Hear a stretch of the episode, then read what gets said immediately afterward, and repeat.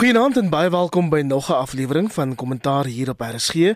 Ons bespreek die vernaamste nuusgebeure van die week en ons kyk na die EFF se intimidasie van Pravin Gordhan, die ontplooiing van die weermag op die Kaapse vlakte, asook die ondersoek na Ysmagashule en Asbes kontrak. Ook op die besprekingslys 'n kort voorskou van Jacob Zuma se verskyning môre voor die Sondekommissie, 'n nuwe landboufinansieringsagentskap en 'n stukkie Britse politiek heel aan die einde. Op Potchefstroom praat ons met Theo Venter van die Noordwes Universiteit. Goeienaand Theo. Goeienaand. En Port Elizabeth sluit Jason Lloyd by ons aan. Hy's 'n onafhanklike politieke kommentator. Naam Jason. Uh, goeienaand Iver en so ook aan die luisteraars. En in Kaapstad praat ons met professor Johannes Vroneman, verbonde aan die Noordwes Universiteit. Goeienaand Johannes. Goeienaand aan almal. Meneer, kom ons begin by die drama wat om hierdie week in die parlement afgespeel het toe EFF LPS die begrotingsrede van Pravin Gordhan, die minister van openbare ondernemings ontspoor het. Dit uit protes teen die openbare beskermer se verslag oor Gordhan se aandeel in 'n onwettige ondersoekeenheid by SARS. Tio, jammer om te sê, maar dit is nie juis vreemde gedrag vir die EFF nie. Ja, dit is nie vreemde gedrag nie, maar ek dink hierdie week het ons het ons iets gesien wat ons in die verlede nie werklik al gesien het as deel van die EFF se optrede nie. En dit was dat hulle fisies eintlik na die podium toe gestorm het en en dis een ding om met uh, sang en dreunsang en en uitroepe iemand te probeer ontseën in die parlement soos wat hulle gedoen het met president Zuma uh, in die verlede. Maar wat ons hierdie week beleef het was um, op 'n stadium het ek gedink die EFF steek self die die die optrede wat hulle voor bekend geraak het steek hulle nou oor en is hulle nou besig om iemand fisies te intimideer en ek sal nie verbaas wees as um, die parlement baie streng gaan optree teenoor hierdie optree teenoor wat hulle gedoen het nie. Want ons moet nou verstaan wat eintlik aan die gang is. Nadat al die staatsdepartemente in die begin van die jaar hulle begrotings ingedien het en bespreek het, het ons nou na die verkiesing die sesde parlement so nou moet elke departement eintlik vinnig 'n kort opsomming gee van wat hulle gaan doen vir die res van die termyn en waar aan hulle gemeet gaan word. So dis belangrike gesprekke wat op die oomblik in die parlement plaasvind waaraan ministers gemeet gaan word. Dit is nou as president Ramaphosa dit reg kry om weer eens um, hierdie soort metings toegepas te kry, maar die optrede van die EFF sê nou hierdie week was totaal en al buite verband. En dit lyk vir my asof hulle nou meneer Gordhan as die primêre teken gestel het om uh, ook vir president Ramaphosa op 'n of ander manier um, te ontseën maar ek dink ehm um, wat dan is 'n gesoute politikus en ek dink hy deur hierdie baie gekom en ek het 'n idee die EFF self um, het hulle skade het vir homself skade gedoen Die EFF klink nogal trots op wat hulle gedoen het daar in die parlement Johannes. Hoe behoort die teen die EFF opgetree te word? En ek moet vir jou sê ek stem met Hendrik Weingart saam wat vandag in sy rapport rubriek skryf: Parlementêre privilegie word sedert die 2014 verkiesing behoorlik uitgedaag en in die EFF se geval dalk selfs misbruik. Ja, ek stem saam. Ek dink die eh, die vraag is is hoe gaan die parlement optree en ek dink daar's net een optrede wat aanvaarbaar is en dit is dat daar moet streng opgetree word en dan met gevolge wees. Eh uh, gevolge soos hulle met eh uh, die parlement verbied word vir 'n tyd lank, hulle kan selfs hulle salarisse vir 'n tyd lank verbeur. Hulle moet voel dat dit is nie die manier om op te tree nie. En ek dink dit is 'n is 'n is 'n baie belangrike oomblik in ons demokrasie hierdie want intimidasie op allerlei ander vlakke vind wel plaas. Maar wanneer dit in die raadsaal van die parlement plaasvind en daar's nie gevolge nie, wel dan dan sê dit eintlik dat dat die land geen wet en orde meer het nie. So ek sal verwag dat daar baie streng opgetree moet word. En enigiets minder as baie streng optrede wat hulle regtig nie lyk voel sal nie aanvaarbaar wees nie. Jason die Sunday Times berig vanoggend dat die openbare beskermer se verslag oor Pravin Gordhan op verskeie foutelike aannames gebaseer is, onder meer die getuienis van 'n man wat die koerant as 'n werklose daggaroker beskryf. Hoe behoort president Cyril Ramaphosa die aangeleentheid intussen te hanteer? Want ons weet die openbare beskermer se bevindinge is bindend. Ons weet dit van Tuli Madonsela se daaf. Ja, kyk, ek moet sê dat uh, toe die man en sy uiteindelik 'n president geskep, um, met die inkantla uitspraak. En en op 'n sekere mate is die president gebind deur daai uitspraak uh van die van die destyds openbare beskermer. Um, ons weet dat Pravin Gordhan die uitspraak nou op um, hersien geneem het. Um, um, en en dit is interessant wie hoe die president hoe die president sal uh reageer. Ehm um, so ons weet ook dat die dat dat die president gebind gaan daar ge, ge, ge, gebind geword gaan uh, deur dit. So um, dit gaan 'n interessante aspek wees hoe dit gaan uitspeel aan die einde van die dag. So ons moet sien dat ons moet sien dat die die president moet natuurlik hierdie verslag ernstig opneem. En ek moet sê ook dat hierdie gevegtery tussen tussen Pravin Gordhan die openbare beskermer en natuurlik die president en uh, Ysma Gesula is maar deel van die die faksiesgevegte binne die ANC. En ek moet eerlik sê dat ek nie simpatie het eintlik met hierdie mense nie. Van aan die einde van die dag gaan die land op een of ander manier hierdeur uh, uh, uh skade berokken word. En ek dink uh die president sal hier moet ferm optree. Um um uh in en ons wag natuurlik ons wag natuurlik op die hof die die die die die, verslag ter syde gaan stel van van die van die openbare beskermer. Tio, wat is jou raad aan president Ramaphosa? Hoe behoort hy die Pravin Gordhan dilemma te hanteer? Ja, ek ek dink ons openbare beskermer is besig om heeltemal die klips kwyt te raak.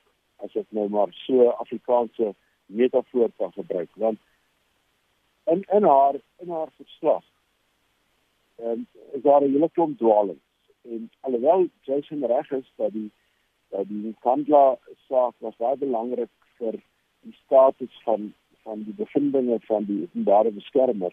Ehm um, dink ek ehm um, gaan die huidige openbare beskermer te ver met bevindings wat nie ehm um, baie sterk is nie wat gebaseer is op ehm um, allerlei swak getuies. Jy begin met die met die man ehm um, van my, my ken die Rastafarian wat lyk vir my nie iets ehm um, gedoen het wat in die verslag staan wat hy gedoen het nie of so klink dit op oomblik en en ek het die 80 bladsye ehm um, verklaring van Pravin gelees wat die week by die hof ingedien is.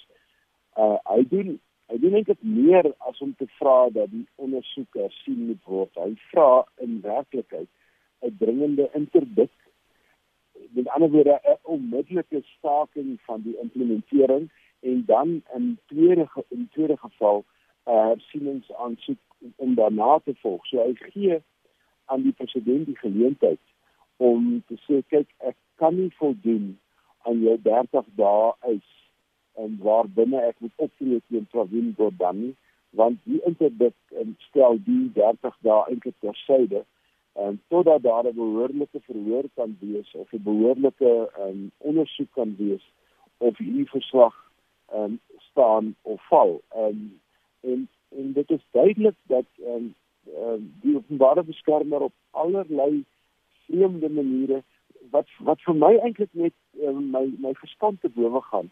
As ons mooi daaroor dink, het die uh eenheid waaroor dit nou alles gaan. Dit begin die Mbeki president was. Dit het begin toe Trevor Manuel minister van finansies was en uh, Pravin Gordhan was die ehm um, destydse kommissaris van SARS. Dit loop so ver terug as mens na die dokumentasie kyk.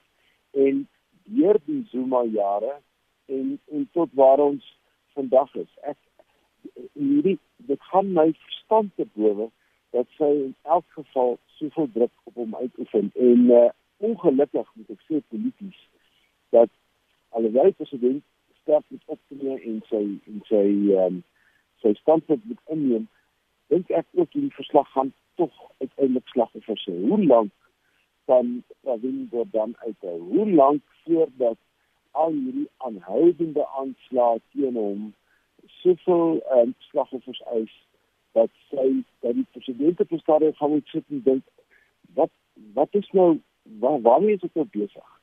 Is dit nie maar tyd om iemand anders te kry wat minder omstrede is nie? Want onthou nou die EFF die openbare beskermer en jy kan 'n klomp ander instansies doen het nou vir Pravin Gordhan in die oog. En hulle het hom in die oog want hy lê dwars in die pad al vir 'n geruime tyd voor die groot staatskapers en die ouens wat bang is dat die voordele wat hulle behaal het, geld wat hulle van die owerheid gesteel het, onregmatig gekom het dat dit op een of ander manier op die groot lappe gaan kom. So ons is hier eintlik in 'n baie intense geveg uh betrokke waarvan waarvan Wingo dan is 'n sentrale speler daarin. En om te ekstrapoleer op jou stelling as ook Jason se, miskien gaan die grootste slagoffers hiervan weer bloot die Suid-Afrikaanse publiek wees. Intussen het Bekkie Cele, die minister van polisie van DSW, vriend en vyand verras toe hy aangekondig het dat die weermag op die Kaapse vlakte ontplooi sal word. Die DA het al jare by die ANC regering hiervoor gesmeek. Johannes stem jy saam met die strekking van 'n hoofartikel vanoggend in rapport dat die vlakte mense se bloed aan die ANC se regering die ANC regering skies se hande is? Ja, dis nou, ek wil nou nie skuld uitdeel nie, maar die hele ontplooiing van die weermag uh, in die uh, uh, in die Opikaapse vlakte uh, is uh, is iets wat nou lankal gevra word en daar word baie kritiek wel ook uitgespreek vanuit ander kringe waar dit wel plaasvind. Dit is nie 'n normale ding om die weermag te ontplooi nie. Daar's allerlei probleme daaraan verbonde en dis ook eintlik 'n erkenning dat die normale uh, polisieering nie goed genoeg is nie en dat sake buite beheer is. Mens sake is beheer. So ek dink die uh, regering het nie 'n um, ehm, het nie 'n keuse gehad nie. Die die uh, die bloed van baie mense is sekerlik ander lande as hulle nie alles doen wat mens moet doen om te keer dat dit aangaan soos dit tans aangaan op die Kaapse vlakte nie. So ek dink dit is buitengewone stap, dit is buitengewone omstandighede en daarom is dit nodig. Jason oor die algemeen is inwoners van die Kaapse vlakte verheug oor die nuus. Hulle is desperaat vir ingryping. Maar daar is ook baie kritiek van kenners dat dit onmenslik is. Johannes het nou vinnig daaraan geraak en dat die SAPD e-, eerder versterk moet word. Wat is jou reaksie? Hoe voel jy daaroor? Ja, um Iwer ek stem saam dat met die argumente dat die SAPD SAPD moet um versterk moet word, maar ons moet ook onthou dat dit buitengewone omstandighede. Ek dink daar's um dat verlede week het daar mense in Filippi byvoorbeeld aan die Kaap op die Kaapse vlakte vermoor. En ek dink soos Johannes reg opgemerk het, was die regering eintlik gedwing om in te gryp nadat hoeveel polit, uh, politieke partye en politici in die verlede vir die ingryping van die weermag gevra het. So uh, by uh, binne hierdie omstandighede dink ek dit is is heeltemal aanvaarbaar. Maar ons moet ook onthou dat die polisie is nie of die weermag is, is nie vir gewone polisieering opgelei nie. En daar is ook risiko's aan verbonde. So die weermag het 'n manier van byvoorbeeld hulle skiet eerste dan vra hulle vra. En uh terwyl die polisie deur wetgewing beperk word om om minimum geweld te gebruik as daar byvoorbeeld 'n skietery uitbreek en so aan. Um in die geval van die weermag as daar as dat as op 'n gewone patrollie as mense byvoorbeeld skiet uit die huis uit, dan trek die weermag los en hulle sal byvoorbeeld almal doodskiet binne die huis en hulle sal na die tyd sal hulle vra vra. So ehm um, dit is die groot risiko. Dis die groot risiko wat daaraan verbonde is. Uh, maar ons moet ook ons moet ook dan noem dat die polisie of die weermag in die geval verleen net bystand. Met ander woorde hulle loop met die polisie in groepe van 6 En as daar mense deur soek word byvoorbeeld of 'n huis deur soek word, dan sal die dan sal die ehm um, die weermag die area afsper en die polisie toelaat of 'n gunstige omgewing skep vir die polisie om hulle werk te doen. Ehm um, so so ek sou sê ja, gegee die omstandighede ehm um, as dit reg is die polisie ingryp op die Kaapse vlakte, maar die vraag wat uitstaande is hierso iwer, wat dan van die noordelike gebiede waar mense ook eintlik elke dag doodgeskiet word deur bende geweld en veral kinders. Hoekom gryp hulle ook nie in in die baie se noordelike areas nie? Ja, ek moet met jou daarmee saamstem. Ek, ek wil aansluit by Jason oor die laaste vraag. En ehm um, net twee opmerkings maak. Die een is die weermag gryp gewoonlik in wanneer daar 'n noodtoestand of 'n uh, buitengewone situasie is soos beide gesê het. En ons het omtrent 'n jaar gelede gesien dat die weermag gevra is om in te gryp in die val 3 om met die rioolkrisis te help en ons weet dat daardie ingryping is al vir meer wel omtrent 'n jaar aan die gang maar die finansiële oordragte en die geld is nou nog nie betaal nie. So dit is 'n dit is 'n baie komplekse ding om die weermag so te laat ingryp en in hierdie geval lyk dit vir my alhoewel die goedkeuring op die presidensiële vlak betyds bekom is want dis hoe dit werk. Die minister kan nie met die weermag onttree nie. Dit word eintlik deur die president goedgekeur. En die minister van polisie sien ek in die media gaan aankondig dat die weermag gaan ingryp en hulle sal ongeveer 2 uur in die nag ontplooi. Nou waar op aarde het jy gesien dat 'n politikus eintlik vir jou vir die vir die vir die georganiseerde misdaad of vir die skelm sê wanneer kom die weermag en wanneer kom hy nie en ek het gesien dat die weermag het daaroor 'n verklaring uitgereik en sê hulle is ongemaklik en ongelukkig oor hoe die minister die aankondiging gemaak het. Hier wys maar net hoe moeilik die koördinasie tussen die weermag en die polisie gaan wees, maar ek dink Jason is reg. Die polisie gaan die gaan 'n sekere lading of die weermag gaan 'n sekere lading van die polisie rondom die afster van gebiede en die beveiliging van gebiede hanteer eerder as wat hulle polisieeringswerk doen.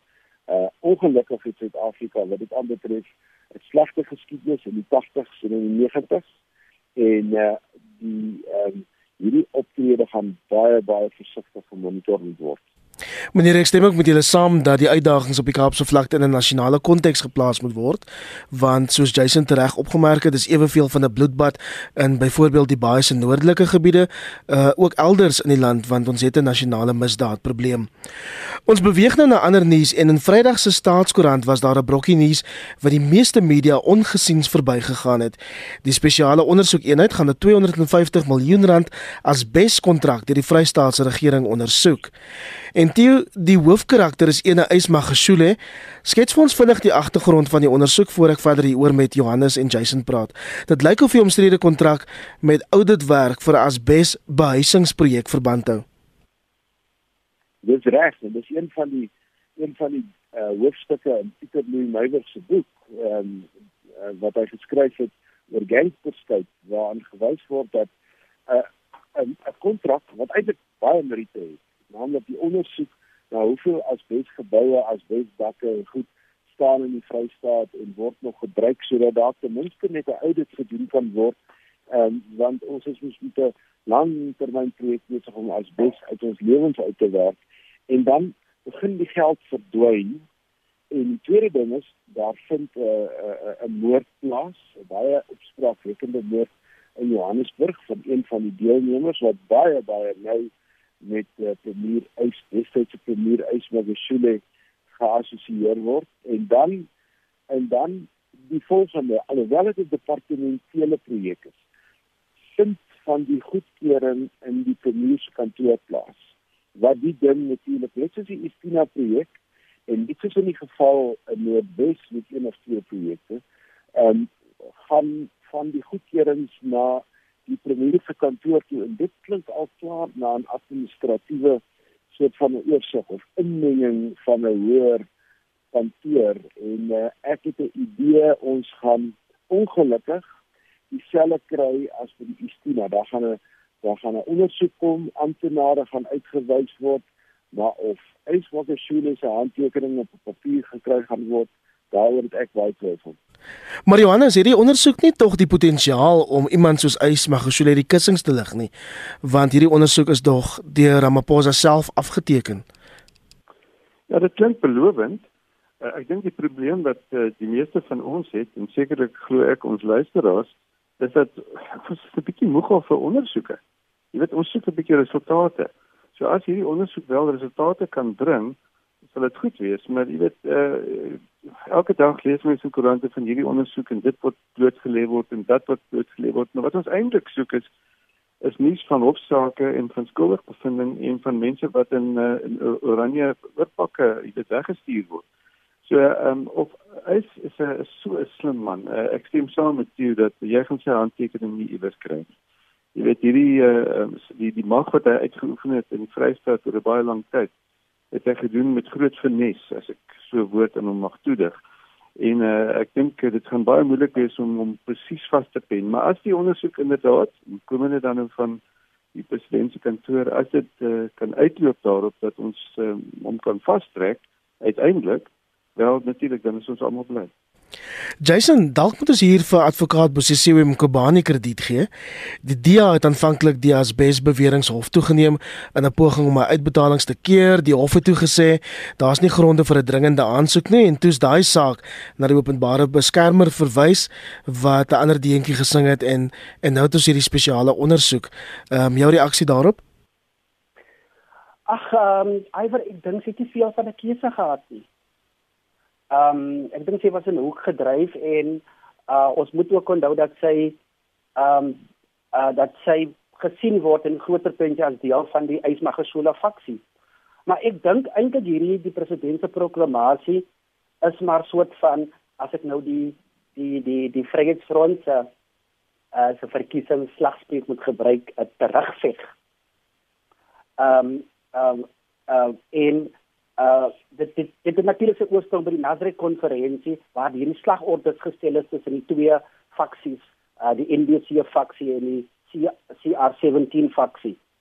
So um, ek sien hierdie ek sien hierdie proklamasie um as 'n nog 'n episode in die geveg tussen uh tussen hierdie twee faksies oor die seel van die ANC. En um um ek dink dit gaan verder uitspeel uh in nog faksies en so aan. So ons gaan nog in die aanloop tot die tot die volgende ANC konferensie het ons nog baie van hierdie ge, uh, uh, uh, gevegte tussen hierdie verskillende faksies sien. En ek dink dit is maar net 'n manier van van van Cyril Ramaphosa uh om te wys dat hy nie gaan lê dit nie. En veral die feit dat hy die die die die die benoeming van die voorsitterskappe van die parlementêre portefeulje komitee so paar weke teen Ismagashula verloor het.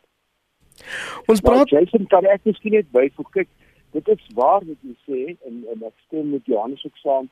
Mense staan 'n bietjie sinies dat teenoor maar hierdie week was vir my nogal 'n belangrike week in Suid-Afrika. Ons is ons is gewoond aan aan reekse slegte nuus. En as jy nou so na hierdie week kyk en jy besef dat in die week het die president sy hand duidelik gewys toe hy die nuwe president van die Reservebank aangewys het en sy twee adjunkte Hy het hierdie verklaring gemaak. Um, daar is nog goed waaroor ek net kan praat oor landbou en so aan. Ek kry uit die afgelope week meer positief as negatief in Suid-Afrika. En ek dink dit is belangrik dat mense kyk hier ook kyk na watter van hierdie goeders as 'n mens dit in die groter loop van die proses sien en waar toe gaan want dit is min ehm um, dat 'n mens kan sê aan die einde van 'n week goed in hierdie week het ek gesien nie draai een of twee goed in die regte rigting. Meneer, ons praat volgende oor 'n man wat baie van ons luisteraars ehm um, sekerlik ook in oranje oorpak sou wou sien.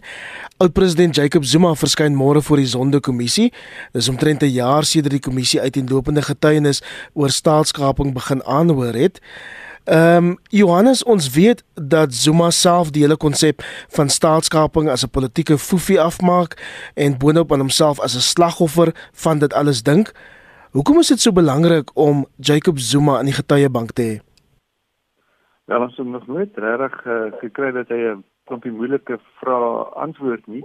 Ek sien die Sunday Times het uh, het vandag eh, 'n uh, klompie vrae uh, uitgestippel. Uh, wat hulle glo dat uh, die um, ondervraer by die sondekommissie inderdaad uh, miskien aan die orde gaan stel. Of nie Gupta is natuurlik die belangrike uh, ding is en daar sal baie spesifieke vrae gevra word. Die hele kwessie van eh uh, Gordhan se afdanking die eh uh, kernkrag eh uh, kontrak wat hy so baie graag met die Russe wou sluit eh uh, die waterkloof ehm um, landing eh uh, Bosasa ehm um, sy verbintenis met die ANN7 uh televisie kanaal en so meer. So daar's 'n hele klompie baie spesifieke dinge in die tyd wat ek wel geleentheid gehad het om te luister na die ondervraging by by die sondekommissie was dit hulle is uitstekend voorberei en dit vra baie baie spesifieke vrae. So ek dink dit is belangrik wat ons gaan hoor is wat hy gaan sê op baie spesifieke vrae en daai algemene uh, afmaak van dinge as sommer net lawwigheid. Ek dink hy gaan daarmee wegkom nie. En ek dink ook die voorsitter ehm um, regter Zondo is 'n uh, uh, wonderlike om om dop te hou want hy sit so rustig en luister na alles, maar hy druk die mes in as hy moet en hy verg uh, van die persoon wat daar so staan om presiese antwoorde te gee en hy vra nog vra, nog vra, nog vra en hy kom dit uit. So ek dink dit gaan 'n fascinerende tyd wees om te sien hoe Zuma op spesifieke vrae gaan antwoord en hy gaan nie maar net eh, wegkom met 'n ou laggie nie. Maar nou, Johannes, uh, kyk tot nou toe was al die getuies vrywillig. Hy het nou ja. môre eintlik sy eerste vyandige getuie en en ek is ek is ek staan self verwonderd oor twee goed. Gaan Zuma opdaag of gaan hy op die lippertjie een of ander verskoning uitdink, ek weet nie.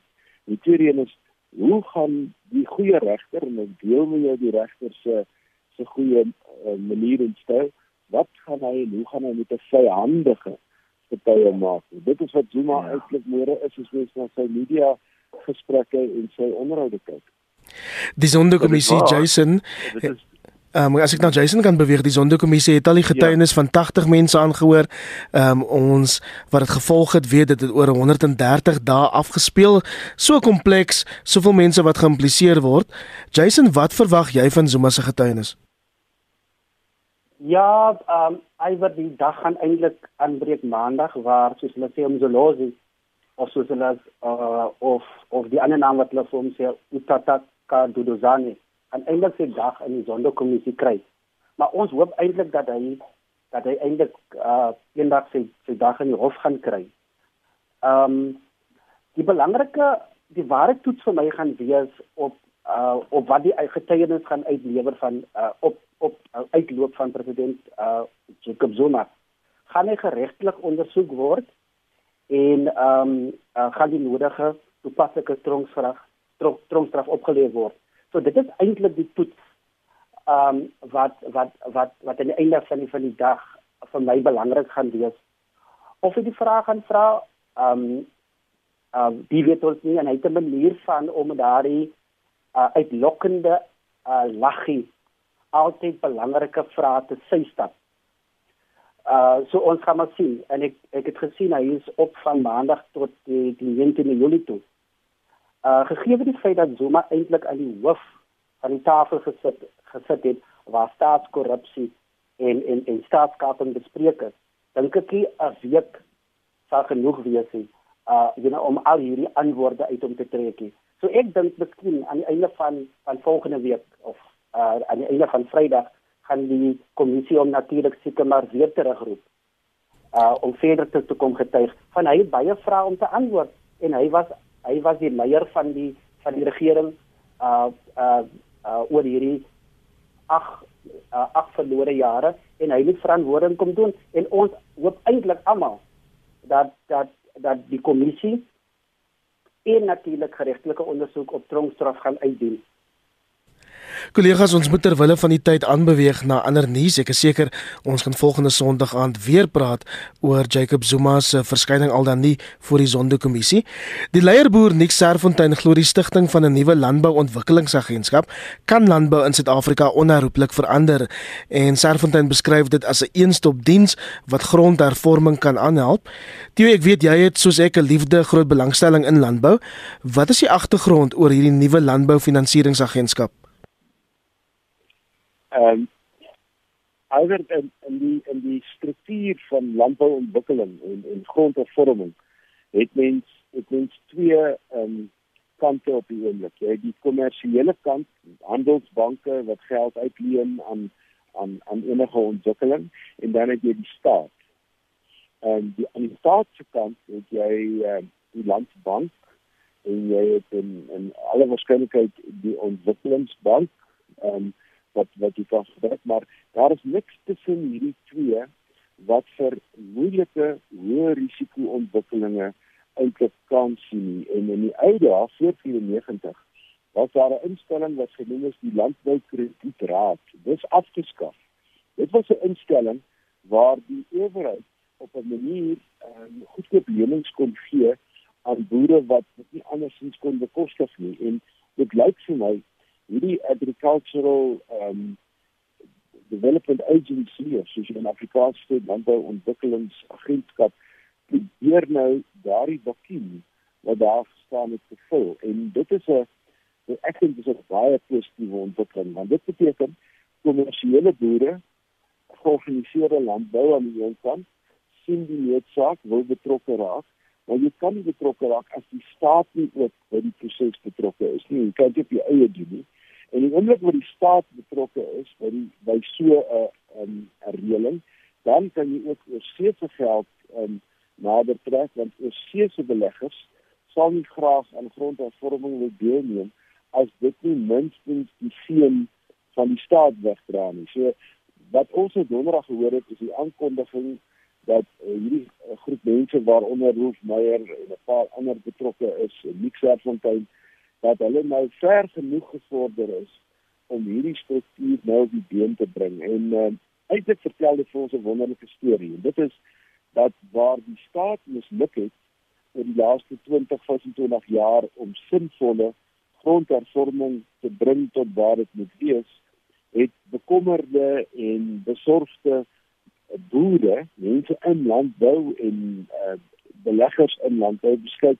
in daardie geval moet ons hierdie ding self begin doen en die staat kan dan later bykom soos en wanneer hulle goederes in plek is. Ek dink dit baie positief ontwikkeling. Jason 'n instrumentele rolspeler in hierdie nuwe landbouagentskap is Rolf Meyer. Ek weet Galema Motlanthe was die hoofspreker by die vergadering vroeër die week. Daar was ander leierboere ook, soos Jacques Jordan daar van Somerset Oos. Ehm um, en dit klink vir my hierdie ontwikkelingsagentskap behoort in September die lig te sien. Hoe kan dit alles boere help? Jou mening? Ja, ehm um, alhoewel ek dink dit is 'n baie goeie inisiatief en ek dink ons het dit ons ons moet dit al lank al gehad het. Gehad het. Uh Theo noem 'n belangrike ding dat ehm um, dat die dat die staat die afgelope klompe jare, ek dink sedert 1994, nie baie suksesvol gewees het nie om byvoorbeeld landbouhervorming teweeg te bring. En ons weet daar's ongeveer 50 miljard rand deur die land deur die landbank gespandeer en baie van die plase wat aangekoop is deur die regering ehm um, wat is so suksesvol nie. En ons weet ook dat die landbank deur 'n periode van korrupsie gegaan het. En en ek moet sê ek dink dat dinge gestabiliseer is by die landbank en dat dit goed bestuur word nou. Ehm um, en ek dink hierdie ooreenkoms het belangrike elemente in dit in ek, ek lees byvoorbeeld op daar is uh finansiering deur banke Ek wil aanneem deur die landbank en kommersiële banke, daar is wagkapitaal wat deur kommersiële boere uh, beskikbaar gestel gaan word. Ehm um, dit is vir belastingvoor uh, belastingvoordele en winste. En dan is daar ook wagkapitaal deur beleggers om transformasie en ontwikkeling teweeg te bring. Maar daar's twee elemente vir my wat wat wat wat wat afwesig is.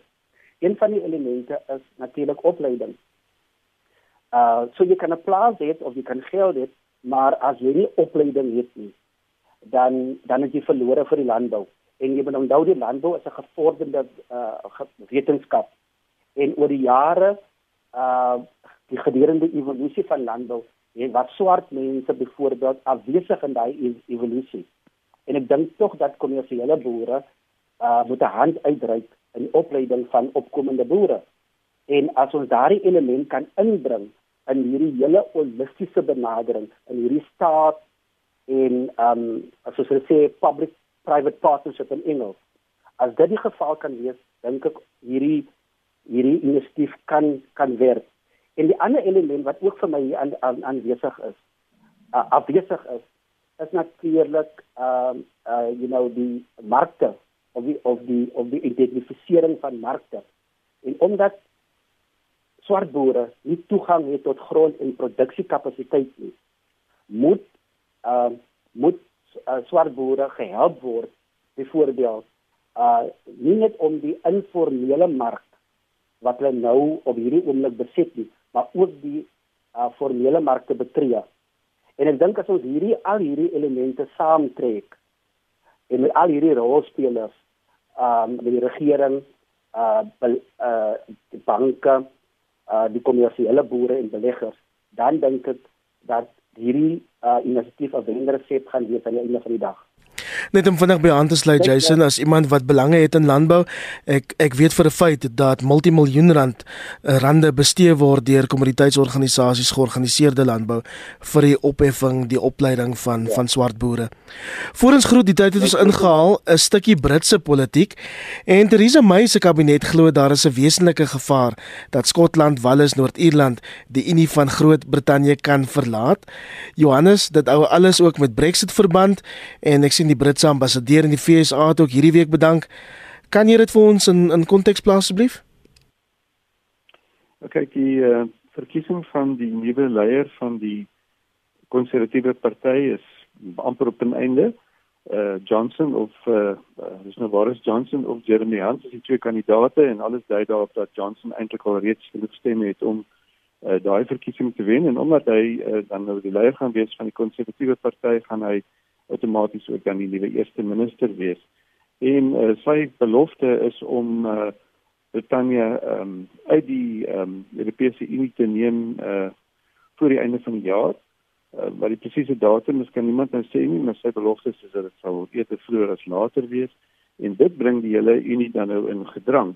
Want Skotland byvoorbeeld is glad nie gelukkig met hierdie idee nie en uh, dit word beskou as 'n as 'n aansporing vir die mense wat sou onafhanklikheid hê vir Skotland juis om nou weer te druk daarvoor sodat as uh, as die Verenigde Koninkryk waarvan uh, Skotland natuurlik 'n deel is as hulle dan uittreë dan is dit miskien dan net die weet die stimulus om dan ook te wil um, uit te tree uit die Europese nie die Europese Unie nie uit die uit die Verenigde Koninkryk om dan wel weer aansluiting te vind by die uh, Europese Unie. Dit is 'n werklike groot gemors uh, in in Engeland en hulle het hulle self in daai gemors en bevind met hulle 'n uh, verskriklike uh, veldtog gehad het vir die referendum of drie gelede waar hulle nie baie sterk vrae gevra het nie. Die onderhoude wat nou gevra word aan Boris Johnson en Jeremy Hunt is baie baie skerp. Onderhoude op BBC, debatte op TV ensovoorts ensovoorts. Maar dit ongelukkig nie daai selfde tipe van skerp vrae gevra het uh tydens die aanloop tot die referendum nie en die Britte het 'n besluit geneem om uit te tree en dis waar hulle nou gaan en absoluut nie een enkele kommentator wat ek nou luister het die idee wat gaan gebeur nie ons sit en wag om te kyk wat gaan gebeur Jason jy's 'n man wat die Britse politiek nogal fyn dophou. Ek sien Theresa May sê in haar laaste onderhoud as die Britse premier dat sy haar werk op die spel geplaas het om 'n Brexit ooreenkoms te probeer bereik. Jou reaksie oor wat daar nie gebeur het? Ja, ek dink net die, arme vrou was op die ehm um, op die um, ek dink sy was nooit bestem regtig om die uh, om die premier te wees en ek dink dit is tog dit was tog 'n baie uh, uh, uh, onbegaande taak om om daai ding deur te voer. Uh, wat vir my bekommerwekkend is, uh, Iwer, is dat die nuutste verwikkelinge is is dat beide die uh, kandidaate vir die premierskap Boris Johnson en Jeremy Hunt beloof dat hulle die dat hulle Brittanje uit die uh, Europese Unie gaan kry voor die einde Oktober. Maar ons weet natuurlik dat die, die dat die Britse parlement het die die die, die ooreenkoms uh, reeds 3 keer afgekeur. So die moontlikheid bestaan dat dat dat dat daai ooreenkoms weer deur die Britse parlement verwerp gaan word.